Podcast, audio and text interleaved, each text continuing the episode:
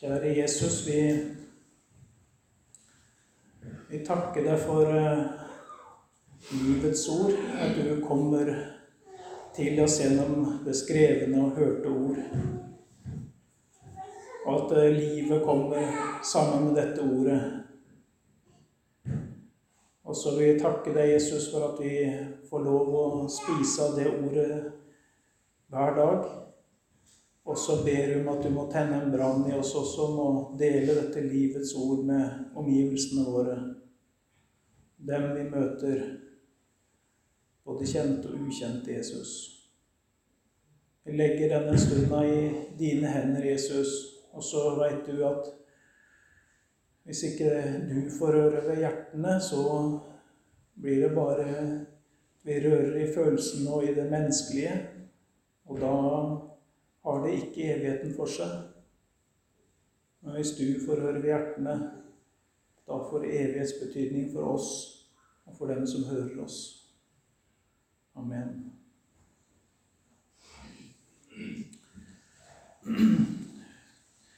Nå når vi er samla disse dagene her på Solgry, så kan jeg nevne det at eh, Per Bergen Holm er nå den samme helga i Moldova. Han eh, reiste på torsdagskvelden og er eh, der ute på besøk hos eh, ekteparet. Um, og det er fint hvis vi kunne huske på han i bønn, alle sammen.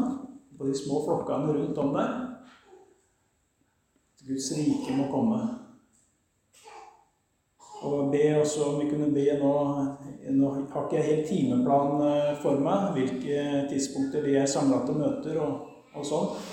Men at eh, det, det, kjenner Jesus til. Så skal vi få sukke og be for dem også. At Jesus er der også. Nå samtidig. Går fra hjerte til hjerte der òg. Om eh, noen få dager så reiser Ingar og Marit Gangås ut til Bolivia. Og um, vi er jo glad for at uh, det åpna seg en mulighet for at vi kunne reise ut igjen. Besøke vennene der ute. Og de som er med på å bre ut litteraturen som blir trykt opp. Og um, jeg er takknemlig til Gud for den åpne døra som det har blitt også der for å forkynne evangeliet. Så får vi huske på dem, på reisa og på de mange gjøremål som eh, det er satt av. Det er mange ting som skal ordnes med på egentlig ganske kort tid. Så får vi huske på dem. Så er det oss her hjemme, da. Og vi er samla til eh, misjonstime. Og um, det har vært veldig vanskelig for meg å bli rolig for teksten. Og um, det som har ligget meg på hjertet, det er det at når det gjelder det å forkynne livets ord og til frelse og vekkelse og omvendelse i vårt land Og da tenker jeg når jeg sier forkynne, så tenker jeg ikke bare fra prekestolen, men jeg tenker like mye i forhold til naboen, i forhold til dem som en går på skolen sammen med, i forhold til eh, de en arbeider med og treffer, familien osv., så, videre, så lever vi i en stor nød i våre dager. Og det er det at eh, den åndelige bevisstheten om at det er en som er skaper og som holder alle ting oppe hele tida. Det er én som har skapt, som er begynnelsen, og det er én som også har bestemt når enden kommer. Den bevisstheten er snart fullstendig borte iblant oss. Og det har, eh, jeg lest noen tekster i Bibelen og blitt eh, egentlig forskrekka over meg sjøl. Hvordan denne bevisstheten eller denne sannheten som står om igjen og om igjen og om igjen i Skriften, om at det er en som er begynnelsen, det er en som setter alt i gang, det er en som holder alt oppe, og han holder det oppe så lenge som han vil, og så lenge som det er rett, holder han det oppe. Og så setter han en strek, og så er enden. Bevisstheten om det den ligger iallfall ikke i kjødet. Men Skriften er veldig klar på det. Og jeg har som sagt vært veldig i tvil om, om teksten her sånn, men vi skal begynne i, vi skal begynne i Salme 102.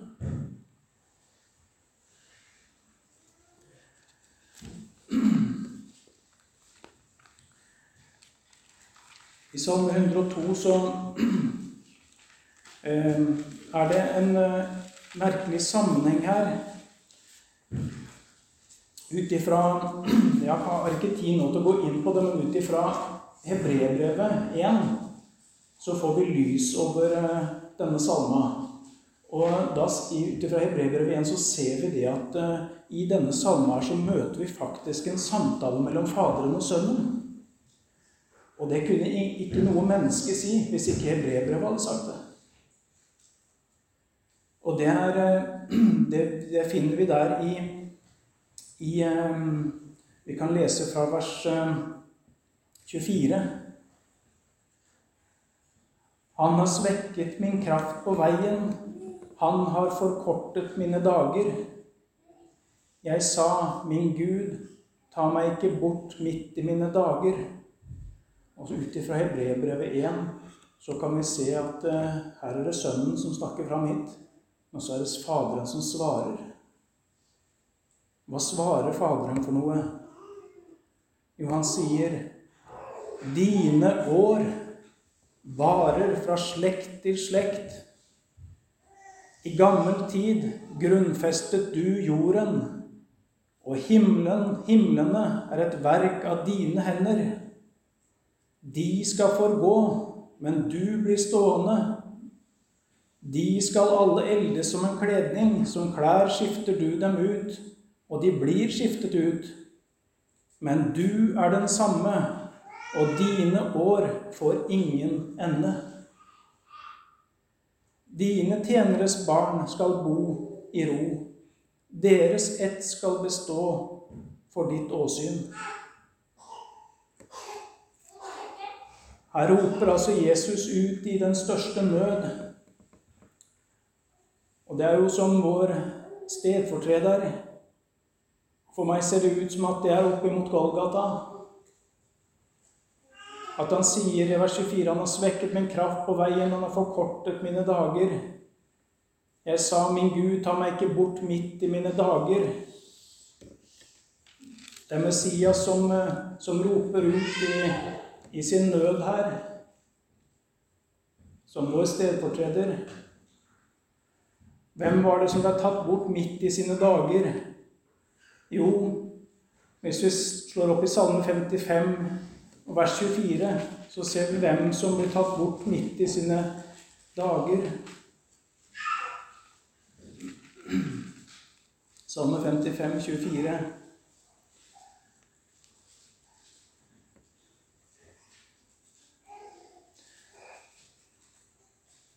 Og du, Gud, skal støte dem ned i gravens dyp.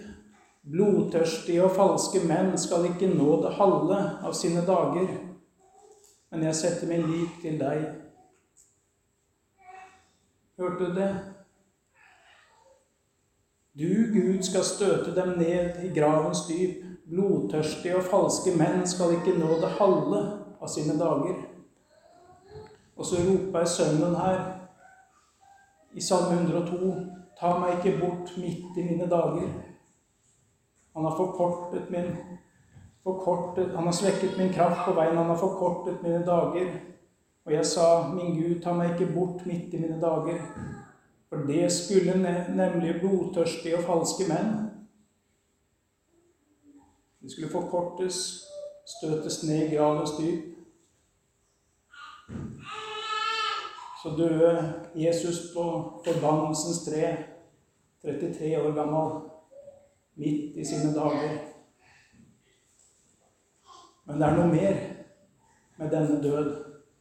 Det følger en oppstandelse og et evig liv. Og så svarer Gud til Sønnen. Han ser framover gjennom denne stedfortredende død på korset, og så svarer han Dine år varer fra slekt til slekt. Og hvem er denne Jesus som døde i ditt og i mitt sted? Hvem er det som har blitt vår bror? Som Gud har lagt all vår synd på, og som har blitt vår bror helt og fullt? Som går i vårt sted. Hvem er det? Jo, det er han som Faderen sier, i gammel tid grunnfestet du jorden, og himmelen er et verk av dine hender. Det er han som er skaperordet. Når Gud sier 'bli lys' med sitt ord, så går dette ordet ut, og så gjør det det som blir sagt. Det er ikke til å forstå for et menneske, men det er sånn det er. Han er ordet som skaper. Det er du som grunnfestet jorden, og himmelen er et verk av dine hender. Og det er Hebrevbrevet som er veldig klar på at dette er om Sønnen.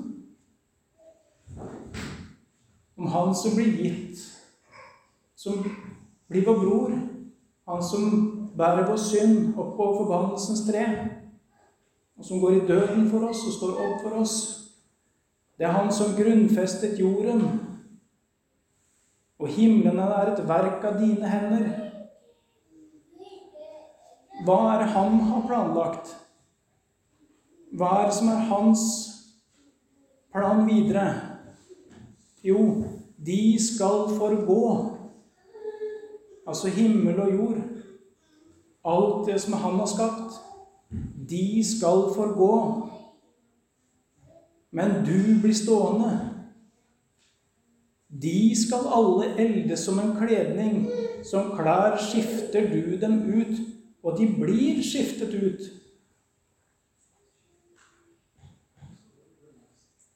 Men du er den samme, og dine år får ingen ende. Dine tjeneres barn skal bo i ro.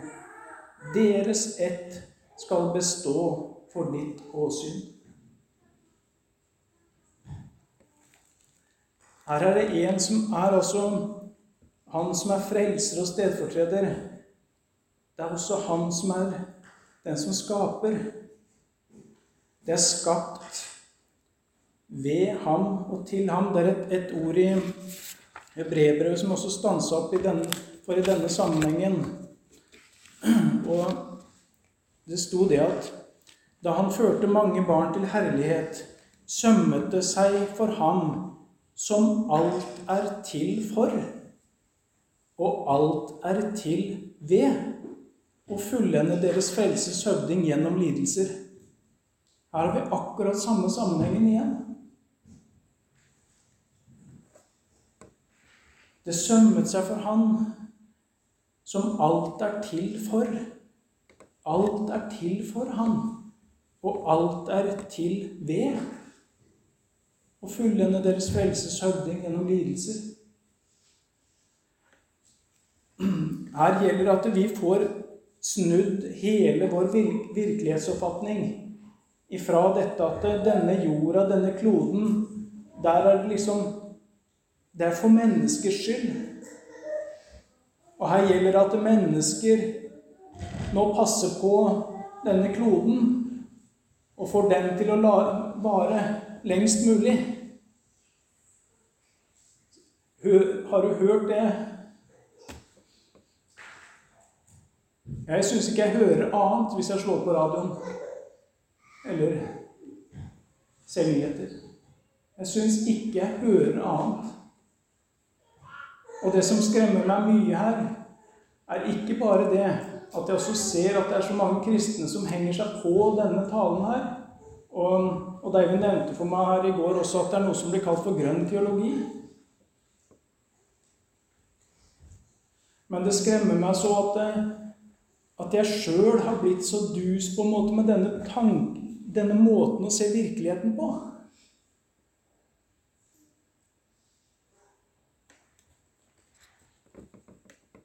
For det er ikke sant. Det er en, en som har starta alt dette og skapt det, og som holder det oppe. Og som har satt Som setter grensa. Der skal det stoppe. Der skal det rulles sammen som et klesplagg. På det punktet skal det skiftes ut. Og For meg så ser det ut som at det eneste som kan endre på dette tidspunktet her, det er egentlig evangeliets utbredelse. For da framskynder vi den dagen da det skal rulle sammen. Og Da ser vi at det, det blir, da blir jo for en kristen, hvis han står og ser gjennom ordet, så, så får han jo egentlig en helt annen, et helt annet mål. Målet er jo å forkynne evangeliet så flest mulig kan bli berga av denne stedfortrederen. Og han er ikke, ingen mindre enn den som har skapt alt, og som holder alt oppe. Hver tid og hver stund. Det store målet er at enda flere må bli frelst og berga og komme til tro på Han. Og da kommer da, da, da flytter han den dagen da han skal rulle alt sammen. Da flytter han den dagen nærmere. Og så er det over med denne kloden.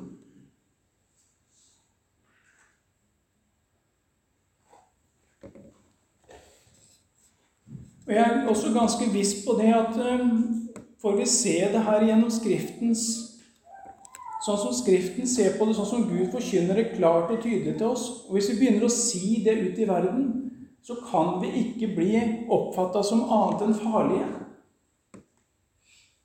For det her må jo da være en fryktelig farlig lære. Her er alle i verden bortimot opptatt av at nå er det vi som kan redde denne kloden, eller i hvert fall få den til å vare lengst mulig. Så kommer det her plutselig et budskap som sier at nei, det er det Gud som bestemmer. Og den dagen blir framskynda ved evangeliets utbredelse.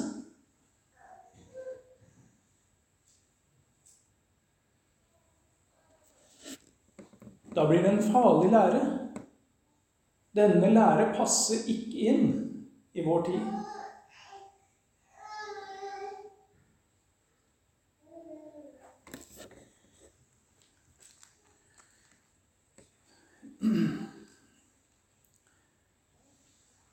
Nå vet jeg nok at det er mange som sikkert vil stille spørsmål her også. Ja, men hva da? Skal vi bare la det skure og gå?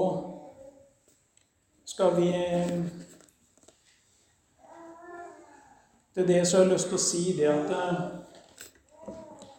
hvis en blir prega av Jesus sinnelag eh, Hvilke kår for egoismen da? Da får egoismen dårlige kår. For da blir en innst, for en Jesus sinnelag så blir en innstilt på dette Hva er det som er godt og nyttig og bra for min neste? Ikke bare i denne generasjonen, men også om det skulle komme generasjoner seinere. Du får ikke bare en ytre mening om å ønske godt for dem i alle måter, men du får en indre av hjertet trang til å gjøre noe som er nyttig for både de som lever nå i dag, og de som kommer. Og her er det mange muligheter til å være et godt og samfunnsnyttig menneske som ikke tenker på seg sjøl. Og her er det også mange muligheter til å ta tak i mange ting som, som eh, Ja, jeg tenker for en, en bonde Han vil jo da søke også se på hvordan kan eh, det bli best mulig for min sønn å ta over, så videre. Og, og, det vil jo på en måte være imot hans uh, indre ønske da, å, på en måte ødelegge for slektene som kommer etterpå. Hvis han blir prega av Jesus sinnelag. Men det som uh, Det som vi skal være forsiktige med å henge oss på,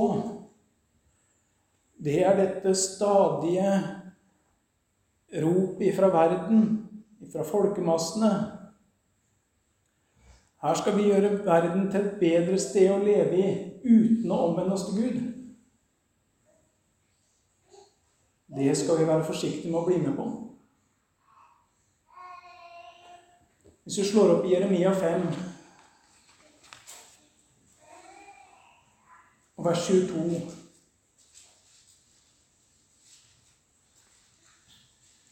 Og For meg så må jeg si at dette er et ord som er en veldig tankevekker i forbindelse med mye av det som jeg hører om at med havnivåstigning. Det er mye framme.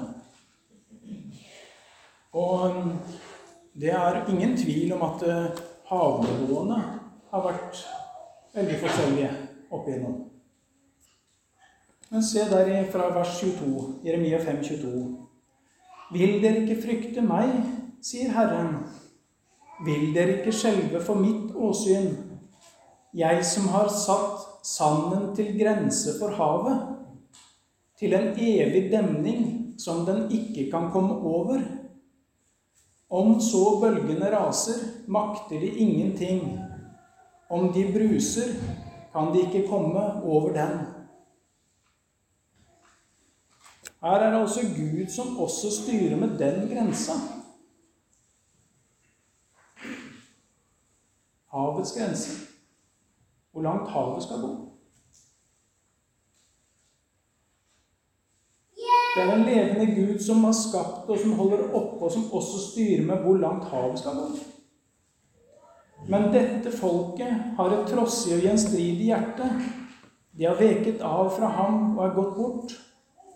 De har ikke sagt i sitt hjerte, la oss frykte Herren vår Gud, som gir regn i rette tid, både tidlig regn og senregn, han som holder ved lag for oss denne ordningen han har fastsatt for de ukene vi kan høste i. Å ja, er det Gud som styrer med dette med årstidene, da? Som har fastsatt grensene der også. Og fastsatt grensene for tidligregn og senregn, regn i rette tid, er altså Gud som holder ved lag for oss den ordningen han har fastsatt. Ja, må bare, bare si at man har kommet langt bort fra den tanken. Det er Gud som holder dette ved lag for oss. Deres misgjerninger har gjort at alt dette er kommet i ulage for dere. Deres synder har holdt det gode borte fra dere. Da sier Herren til sitt folk at deres misgjerninger har gjort at alt dette er kommet i ulage for dere. Deres synder har holdt det gode borte fra dere. Da ligger det egentlig noe veldig ondt i dette. Å skulle vie seg for å, å, gjøre verden til et bedre sted å leve i uten å omvende seg til Gud.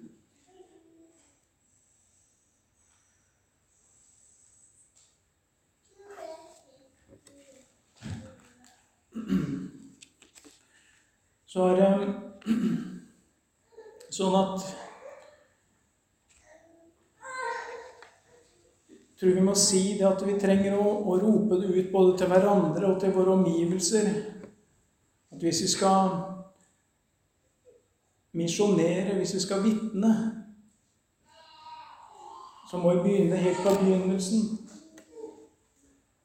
Og være frimodig og vitne om det at jeg, jeg tror på en skaper, og en som holder alt oppe. Og en som også har sagt når enden skal komme og bestemmer det.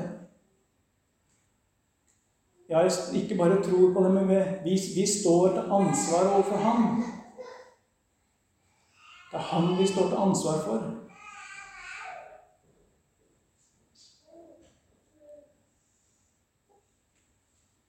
Da begynner Altså, jeg tror det er en forutsetning for at mennesker skal begynne å rope om frelse. For hvis det, dette her blir borte, så står vi ikke lenger til ansvar for en, en Gud. En hellig Gud.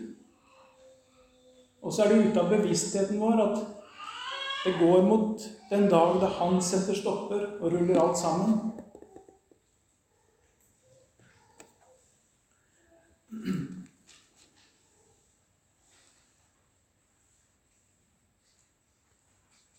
Så skal vi ikke miste motet sjøl om vi blir ledd av hvis vi taler frimodig om en skaper, en, en som holder alt oppe, en som vi står ansvarlig for.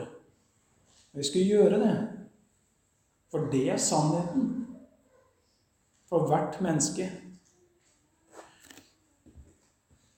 I 2. Peters brev,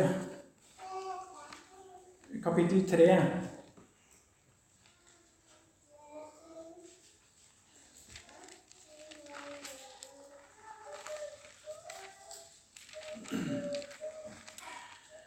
Der eh, begynner kapitlet, mine kjære Dette er alt det andre brevet jeg skriver til dere. Begge to er skrevet for å vekke deres rene sinn med min påminnelse. Jeg syns det er en, en underlig uttrykksmåte der. Eh, det er altså noen som i og for seg har sett inn i det rette her fra før av. Men men det trengs at for å vekke deres rene sinn med min påminnelse Det var i og for seg ikke ukjent for dem, men det var noe som måtte vekkes igjen. Det var noe de måtte bli bevisste på igjen. Og hva er det han vil eh, vekke dem til her? Så dere minnes de ordene de hellige profeter før har talt, og det bud deres apostler har brakt fra Herren og Frelseren. Altså husk på dette ordet. Altså både profetenes og apostlenes ord. Husk på dette ordet. Minnes disse ordene. Så nevner han på at eh, i de siste dager så skal det komme spottere med spott som farer fram etter sine egne lyster. Og at de, de bare blåser av dette at det er en gjenkomst hvor Jesus kommer igjen, setter en endelig stopper for at det har gått så lang tid, osv. Så, videre. så jeg hopper litt her sånn Fra vers 5. Men når de påstår dette, overser de med vilje at det fra eldgammel tid var himler og en jord som ble til ved Guds ord, ut av vann og gjennom vann. Og når det står her at de overser det med vilje, så tror jeg det ligger noe her som vi skal bite oss merke i.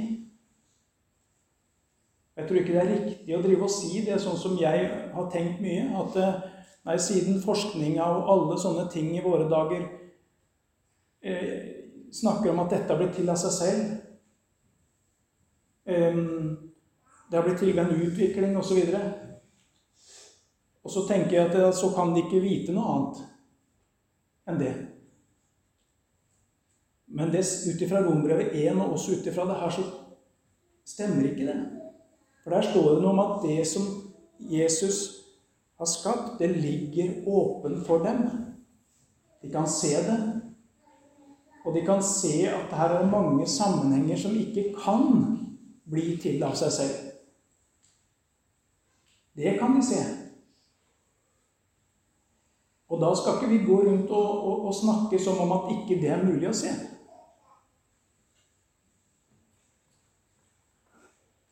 For de overser med vilje at det fra eldgammel tid var himler og jord som ble til ved Guds ord ut av vann og gjennom vann. Ved dette gikk den daværende verden under da den ble oversvømmet med vann. Men de himler og den jord som nå er, er ved det samme Guds ord, altså det samme ordet som skapte det. Det er egentlig ved Jesus. Men de himler og den jord som nå er, er ved det samme Guds ord spart til ilden. De blir holdt oppe til den dagen når de ugudelige mennesker skal dømmes og gå fortapt. Men én ting må dere ikke være blinde for, mine elskede. For Herren er én dag som tusen år, og tusen år som én dag. Herren er ikke sen med løfter, slik noen holder for senhet, men han har tålmodighet med dere. For han vil ikke at noen skal gå fortapt, men at alle skal komme til omvendelse. Men Herrens dag skal komme som en tyv. Og da skal himlene forgå med veldig brak, og himmellegemene skal komme i brann og gå i oppløsning, og jorden og alt som er bygd på den, skal brenne opp.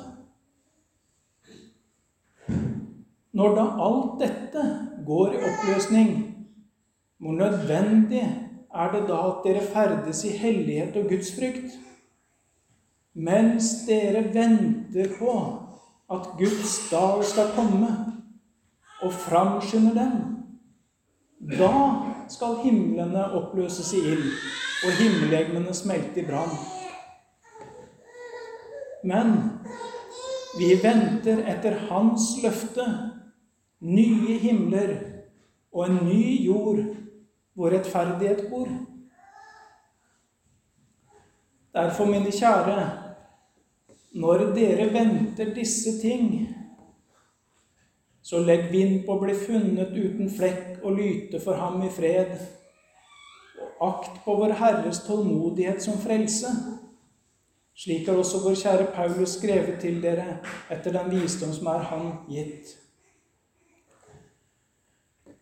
Og så står det i siste verset, vers 18.: Men voks i nåde og kjennskap til vår Herre og Frelser Jesus Kristus.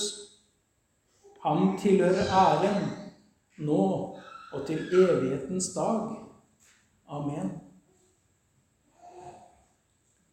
Når det står her 'voks i nåde og kjennskap til vår Herre og Frelser', så er det egentlig da er det to ting som vi skal vokse i nåde og kjennskap til. Både som skaper og som frelser.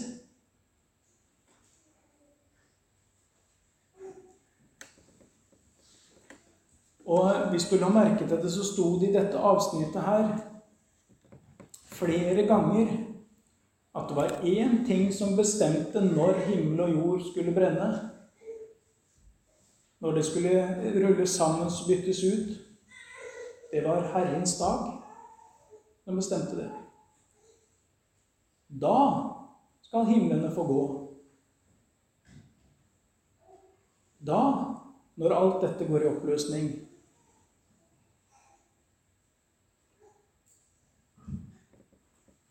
mens dere venter på at Guds dag skal komme og framskynde den.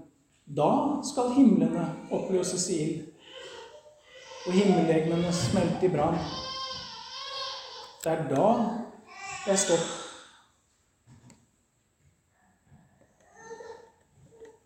Men, eh, men for et budskap Vi vet at det er mange i dag som har klimaangst. Og det er nok en del også som på en måte ser sannheten i øynene at mennesket er for lite til å kunne redde og opp. Mange lever på den illusjonen. Men mennesket er for lite.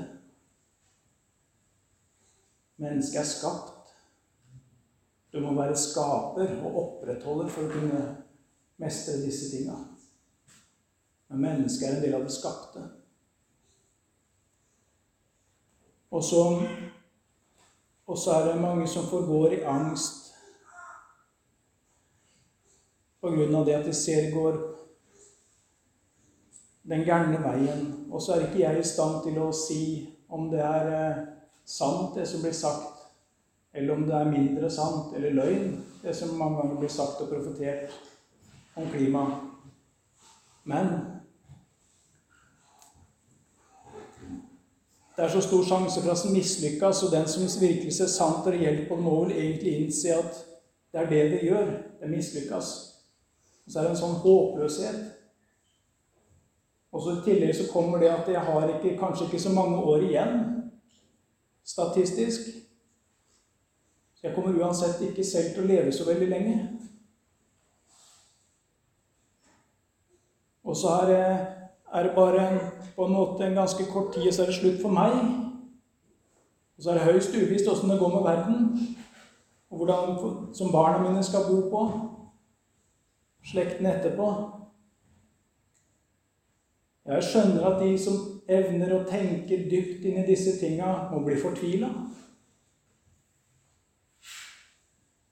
Og så kommer Guds ord, og så sier det Men vi venter etter Hans løfte nye himler og en ny jord hvor rettferdighet bor.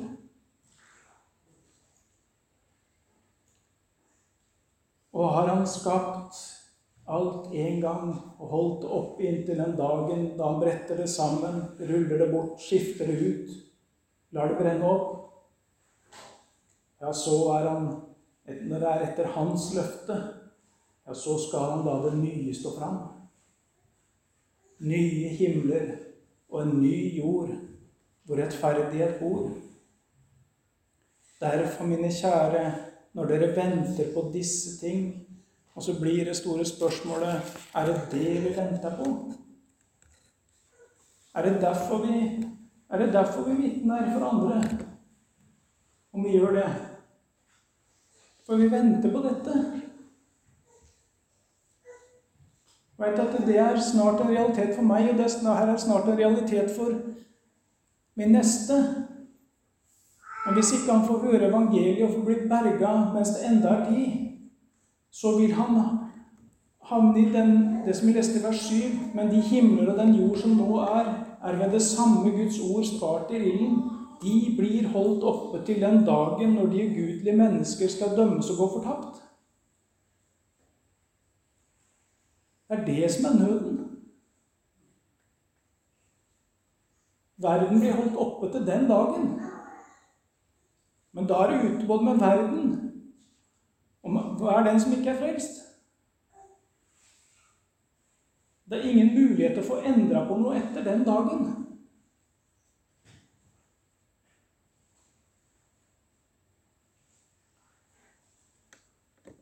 Derfor, mine kjære, når dere venter disse ting etter Hans løfte, nye, nye himler og en ny jord, hvor rettferdighet bor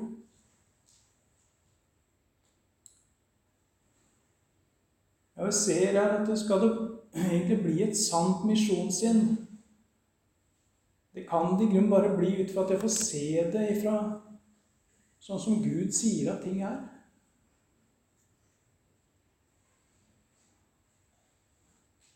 Men så stort at det også sto her at Herren Det er ikke det at han er sein med løftet, eller at han drøyer unødig, men han har tålmodighet med dere, for han vil ikke at noen skal gå fortapt, men at alle skal komme til omvendelse. Og så lever vi nå 2000 år inn i det som Bibelen kaller for de siste tider. De siste tider og de siste dager, blir det sagt, fra Jesu første komme. Og nå er vi 2000 år inn i de siste dager. Er ikke det en tankevekker?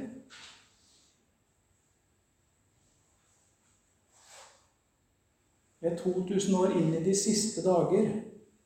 Og så er vi kanskje i ferd med å bli inntatt av verdens ånd, som snakker om at nå må vi virkelig samle oss sammen for å få denne kloden til å vare lengst mulig.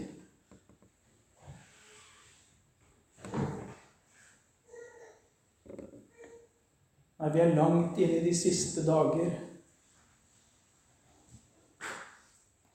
Og den dagen da han som har holdt alt oppe, setter en stopper.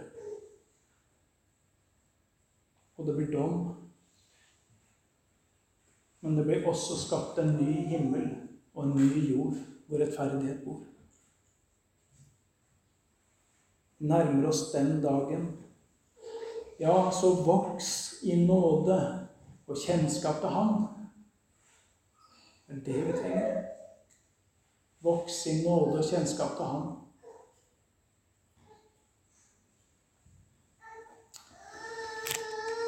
Så skal jeg stoppe der.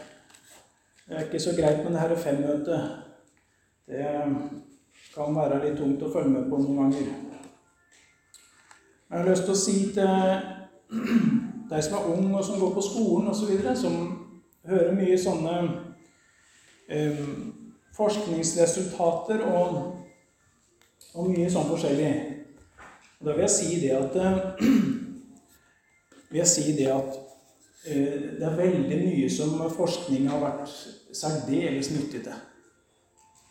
Og jeg tenker på bare som, som forskjellige byggematerialer som de bruker. Eh, vi har jo en tannlege blant oss her. Han bruker forskjellige materialer for å fylle igjen eh, etter Carosobactus. Og det er til stor nytte at det har blitt funnet og forska fram sånne materialer. Med sterke, slitesterke, holder i lang tid, som ikke, så langt de forstår, er skadelig for kroppen osv. Så Sånt noe er nyttig. Og der må vi si at mye forskning har vært til stor hjelp. Men når det gjelder forskning på de ting som direkte berører det med at Gud er skaper, og at Gud er den som holder alle ting oppe hver dag I forhold til den forskninga så skal vi være veldig observante. For det er jo helt åpenbart at sjelefienden har en sterk, sterk, sterk interesse i å påvirke den forskninga som går direkte på dette med Gud som skaper, og den som holder alt oppe. Derfor må jeg si det er en forskjell her i det med forskning som eh, jeg tror det er viktig at vi ikke glemmer. Jeg skal bare ta et lite eksempel her. Det er jo naturlig for oss også å på en måte basere meningene våre på det som flest mulig forskere har sagt noe om. uttalt seg om. Det er en, en konsensus om et, en sak. Og det er sant i mange sammenhenger. Men når det kommer til dette med hvem det er som har skapt oss, og at det er en skaper som har skapt mennesket fiks ferdig Ikke gjennom utvikling ifra aper. I den forskninga der så er det over, overveldende flertallet forskere helt enige om at dette har skjedd gjennom en utvikling. Men problemet, Og de snakker som om at det er bevis. Men problemet er at du finner jo nesten ikke fossiler som viser det. For hadde det vært sant, det de sa, skulle det være fossiler av alle disse mellomstadiene overalt. Bakken vår skulle vært full av sånne fossiler. Beviser på det de driver og lærer. Men det finner en ikke. En må leite etter masse forskjellig. Og anta osv. Dette er dårskap. Det kan vi si like ut. Dette er dårskap. Det er ikke seriøs forskning. Og det er fordi at der hvor sjelefienden påvirker mennesket, og man går etter sjelefienden, der havner vi i dårskap. Og der overgir Gud mennesket til dumhet. Bare se i Rombrevet igjen. Gud overgir dem til et sinn som intet duger, så de tror løgnen. Og enda de kan sjøl se at de finner ikke disse fossilene oppover som det skulle vært fullt da, hvis det stemte det de sa. Så står de likevel videre og roper ut løgnen og det gjør det store, store flertallet.